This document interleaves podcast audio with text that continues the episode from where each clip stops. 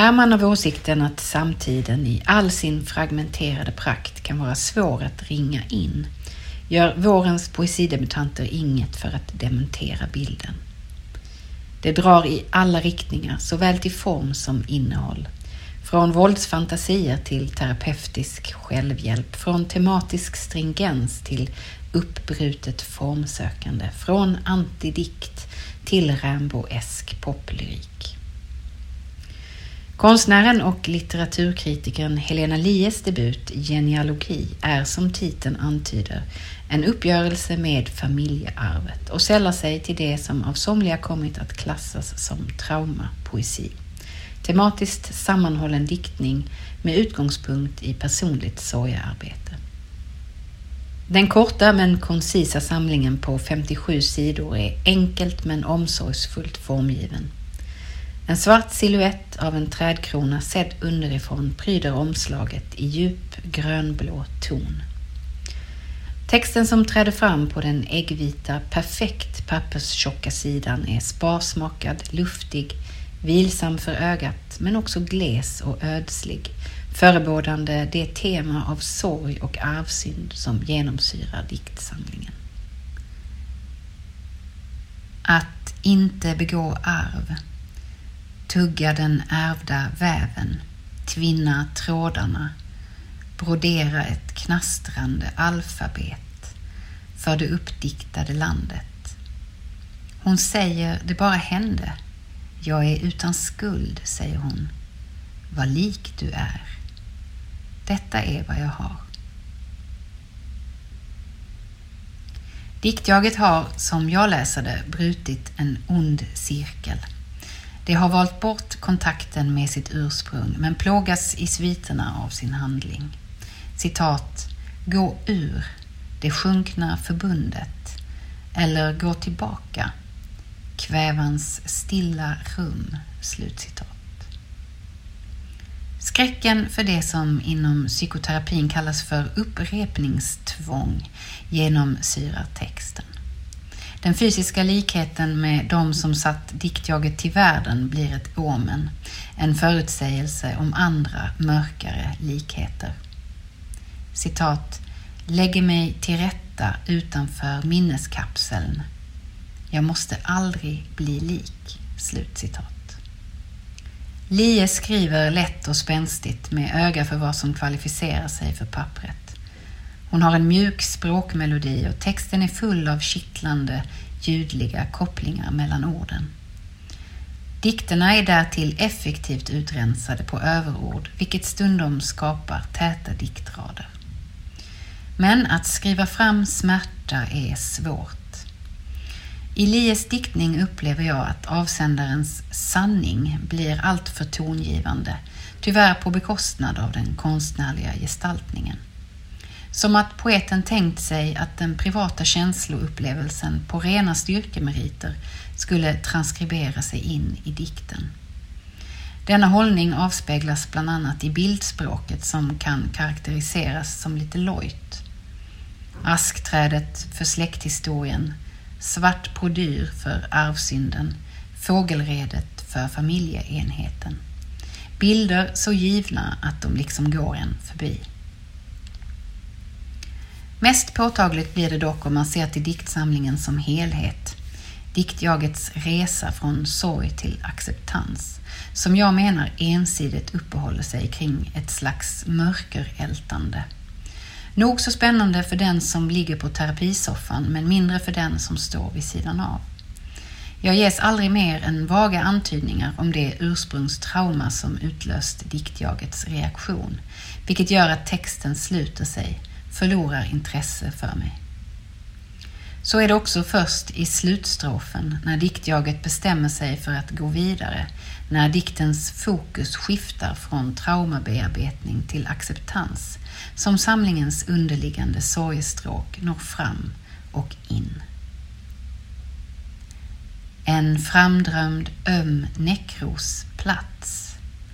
Vad lik du är, säger de blad efter blad att bläddra.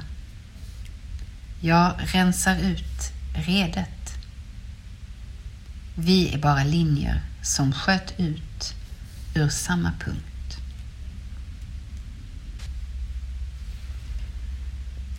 Också Stockholmsbaserade Ylva Falkenhems debutsamling har en tematisk ingång. Lårskåra kan närmast beskrivas som en sexuell våldsfantasi dragen till sin yttersta spets. I den första sviten, Skuldrad, får vi ta del av en sexakt mellan diktjaget och tre män. Citat. De lägger mig till rätta, drar mina ben isär och den enes intrång blir den andres syn. Slutcitat.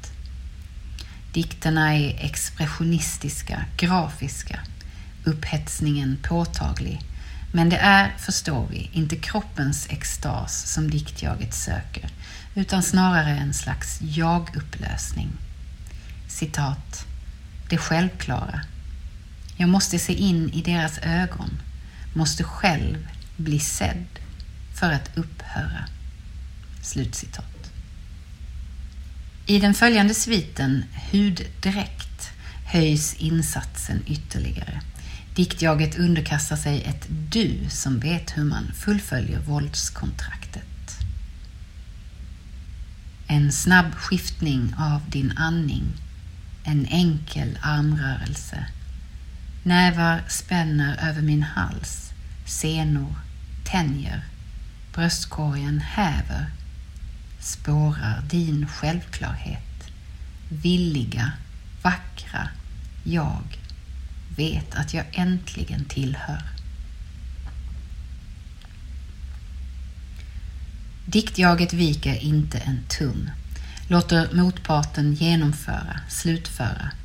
Citat, varje slag ett jäckande, varje näve en återkomst. Det finns bara ett slut. Slutcitat. I den tredje delen, lårskåra, ligger så diktjaget utslaget, död. Och kanske är detta den verkliga sällheten, att försiktigt få baxas ut i trädgården, ömsint, inte längre levande, utslocknad, ihjälslagen, ihjälknullad, för att slutligen förmultna, åter bli till jord som det beskrivs i den avslutande eftermäle. Citat det som upphört vara kött droppar och segrar sig ner, möter jord, silar, skapar nya former. Slutcitat. Falkenhems språk är sirligt organiskt, vilket effektivt kontrasterar diktsamlingens brutala innehåll. Det skapar poetisk spänning. Likaså finns det något intressant i diktjagets euforiska fantasiutlevelse ställt mot det grafiska våldet. På ett djupare plan famlar jag emellertid i min förståelse av denna debutsamling. Vad är det poeten vill säga? Har vi att göra med en inverterad feministisk appell? En vredesmättad utsaga om det allomfattande kvinnovåldet? Eller är det rätt och slätt en närstudie i självutplåning, underkastelse, masochism? Texten ger mig inga ledtrådar. Jag kan såklart förstå poetens val att vara orubblig i sin konsekvens. Det sakliga, konkreta blir en del av motivet. Det visar på den raka resan nedåt mot nollpunkten. Samtidigt gör det dikterna märkligt klanglösa, prosaiska nästan. Lårskåra alluderar aldrig till något större bortom den jagupplösande fantasin, varför den heller inte griper tag.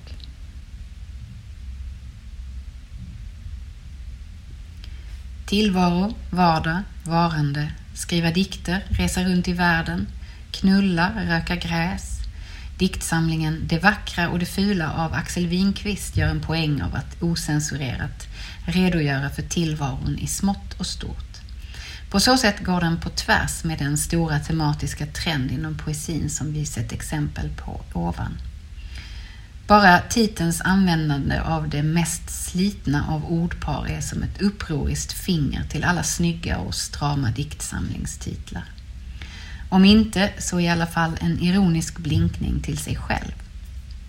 Det gäller också omslaget, ett grällt ljussatt fotografi av ett trancherat hjärta vilandes på en rosbladsbädd, som hämtat ur ett reklamutskick från Lidl. Och ja, det är både vackert och fult i Winqvists diktning.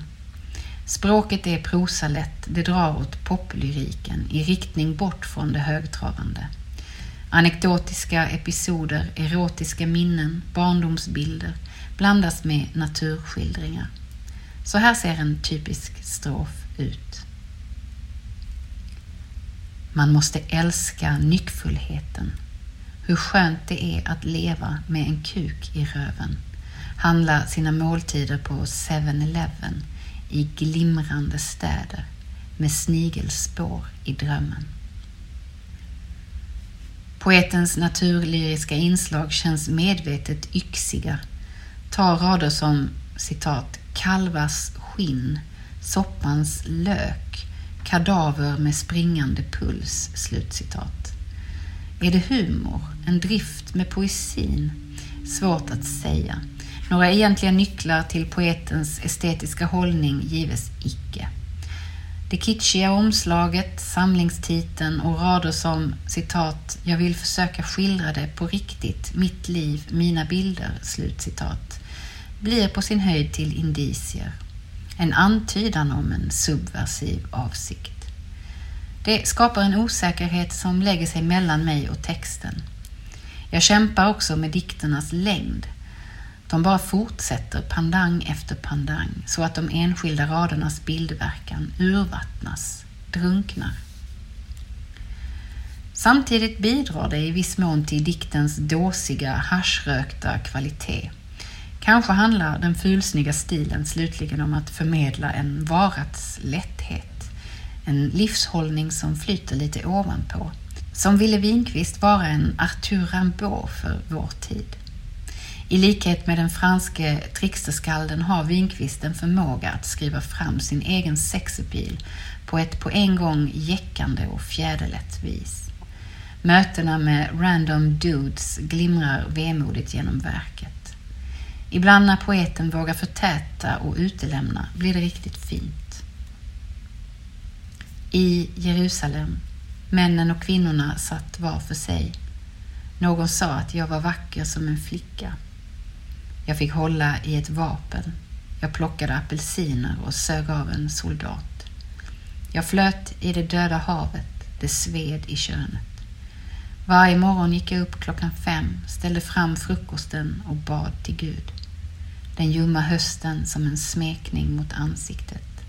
Rapphöns, rådjur, Röda havets korall. Ät inte ditt hjärta uppmanar Ellen Nordmarks Corne edito edit chili con carne. Nyfiket tar jag mig an den 125-sidiga diktsamlingen av den 22-åriga debutanten. Vad betyder det att jag inte ska äta upp mitt hjärta? Nyfiket tar jag mig an den 125-sidiga diktsamlingen av den 22-åriga debutanten. Vad betyder det att jag inte ska äta upp mitt hjärta? Här finns inga pekpinnar, inga narrativ att haka i, inga stora bågar. Bara självcentrerad, kaotisk, tragikomisk jagupplösning. Jag läser om kraxande kråkor, om kroppsstympning, bläckfiskar i livmodern och natthimlar i toaletten. Det är en vilt spretande text full av allitterationer och assonans, ibland rimmad, ibland halvrimmad och svårciterad, inte minst då samlingen nästan till hälften utgörs av illustrationer. Bilderna, porträtten, klottret är intimt, ofta påträngande med en tydlig tvångsintagen har gjort ett collage-estetik. Det är som om de liksom drar i texten som ett magnetiskt fält, får orden att kränga, gravitera mot dem. Sammantaget förstärker det faktiskt känslan av att hålla i en text stadd i upplösning. Ett ord som jag läser i säljbladet som följer med mitt läsex och som jag tar fasta på. Men upplösning i all ära. Snarare är det vad Nordmarks dikt inte säger som väcker mitt intresse. Det är när poeten träder fram, liksom avslöjar sig som lyriker, som jag hajar till. Det sker till synes slumpartat och när man minst anar det. Namnet jag lystrar till ska enligt etymologin betyda ljus. I fosterstadiet lystrar människan till namnet djuphavsmarulk och metar i livmodern med ljus och lykta efter ett djuphavsmörker att upplysa. I spänningsfältet mellan det snyggt uttryckta och vägran att just skriva snyggt uppstår det intressanta i Nordmarks samling. Som läsare är det som att jag plötsligt får syn på mig själv, som att dikten spottar mig i ansiktet. Sitt inte här med dina mossiga skönhetsanspråk, väser den. Jag blir pinsamt medveten om hur fast jag själv är i mina egna poetiska förväntningar, hur min blick dikterar min förståelse för det jag läser. Corne Editos styrka ligger just här i metalagret, hur den liksom rycker mig ur mig själv. Med detta sagt, att hålla läsningen vid liv genom de efter ett tag ganska tröttsamma ekvilibristiska språklekarna är en utmaning.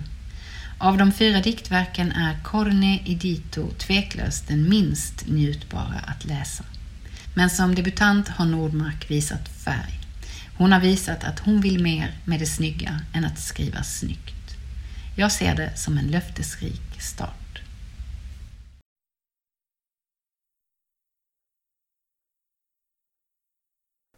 Den här recensionen är originalpublicerad på www.ornenochkrakan.se under ansvarigt utgivarskap.